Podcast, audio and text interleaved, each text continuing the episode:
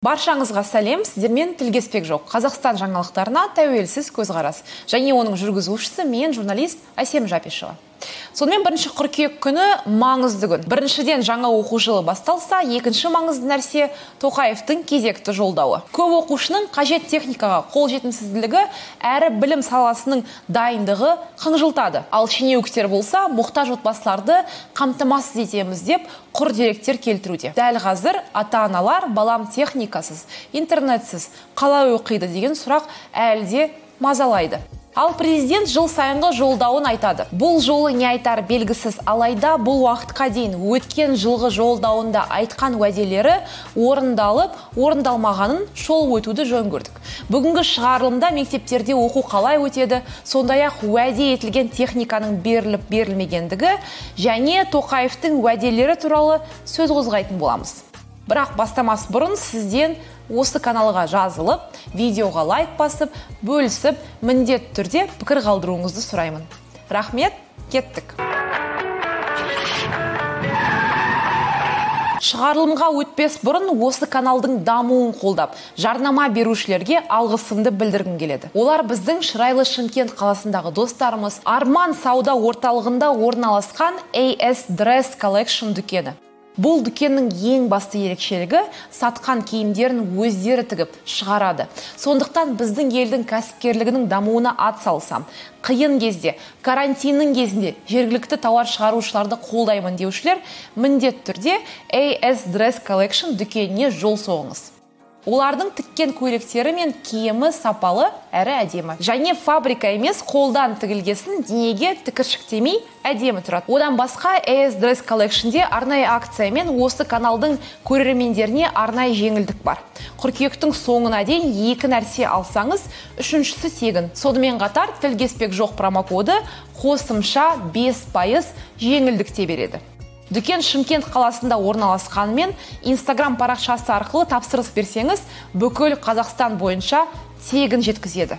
Дүкен шымкент қаласында арман сити сауда орталығының екінші қабатында 207 бутикте орналасқан AS Dress Collection дүкеніне осы каналды қазақстандағы тәуелсіз журналистиканы қолдап жарнама берген үшін алғысымызды айтып сіздерді міндетті түрде солардың инстаграм парақшасына жазылып дүкеніне жол соғуға шақырамын. Бірінші қыркүйек күні тоқаевтың халыққа жолдауы шығады. Президенттің не айтары белгісіз. Алайда бір жыл бұрын не нәрсеге уәде берген еске түсіретін кез келді. Жалпы елу уәде берген. Біз ең маңыздыларын таңдап алдық. Сонымен қай уәдесі орындалды? Микро және шағын кәсіпкерлікті тексеруге және табыс салығынан босатуға үш жылдық мораторий. Бұл шара 2020 жылдың бірінші қаңтарында күшіне енді. Алайда халыққа үлкен қауіп төндіретін жағдай болса бұл мораторий қолданылмайды. Мұғалімдердің жалақысын 25 пайызға көтеру. Жалақы шынымен де өсті. Білім және ғылым министрлігінде осылай дейді. Аз қамтылған отбасы балаларына арналған кепілдендірілген әлеуметтік пакет. Мұндай әлеуметтік пакет 2020 жылдың бірінші қаңтарынан бастап беріле бастады. Мұқтаж отбасылардың балалары ыстық тамақпен оқу құралдарымен формамен қамтамасыз етіледі. Медициналық қызметкер мен қоғамдық көліктер ақысы төленеді. Жыныстық зорлық зомбылық педофилия есірткі салу адам саудасы әйелдерге қатысты тұрмыстық зорлық зомбылық және адамдарға әсіресе балаларға қарсы басқа да ауыр қылмыстар үшін жазаны күшейту. Балаларды зорлаған үшін өмір бойына бас бостандығынан айыруды қарастыратын заңға президент 2019 жылдың соңында қол қойды. Браконьерлік үшін жазаны күшейту. Охотпромзом инспекторы қаныш нұртазиевті өлтіргеннен кейін жаза күшейтілді. 5 жылдан 12 жылға дейін бас бостандығынан айыру қарастырылатын болады. Тоқаевтың орындамаған уәделері жинақталған зейнетақы қаражатын үй сатып алуға немесе оқу ақысын төлеуге ерте пайдалану тәсілдерін әзірлеу. Шын мәнінде үкіметте бұл бастаманы соңғы бірнеше айда ешкім айтқан жоқ. Дегенмен тапсырма мерзімі әлде қашан өтіп кеткен. Шілденің өзінде бұл ұсыныстар пысықталғаны тіпті президент әкімшілігіне мақұлдау үшін жіберілгені белгілі болды. Бірақ ол туралы ешқандай ақпарат айтылмады.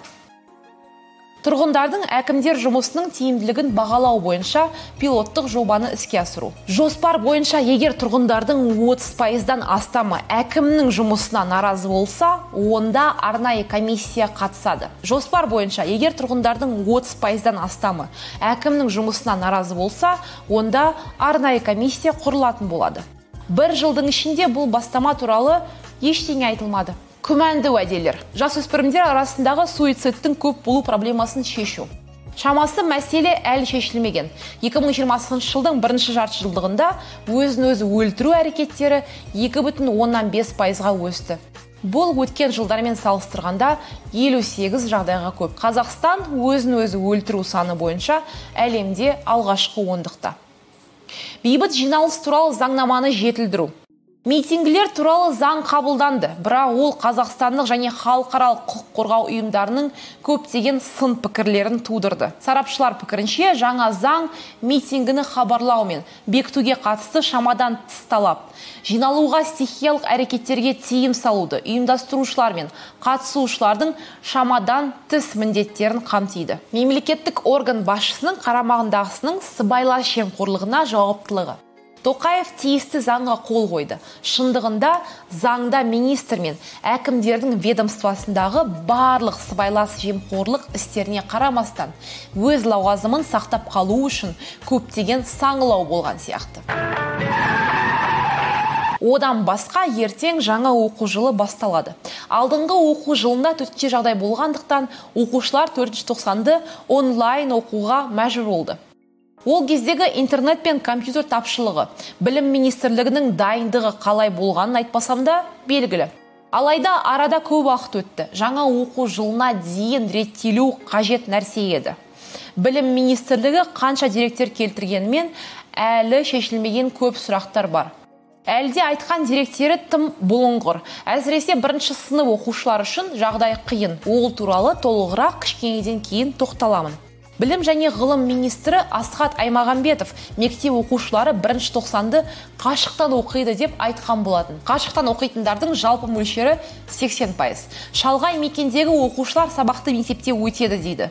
Ал бастауыш сынып оқушылары ата анасының рұқсатымен мектепке барып оқи алады.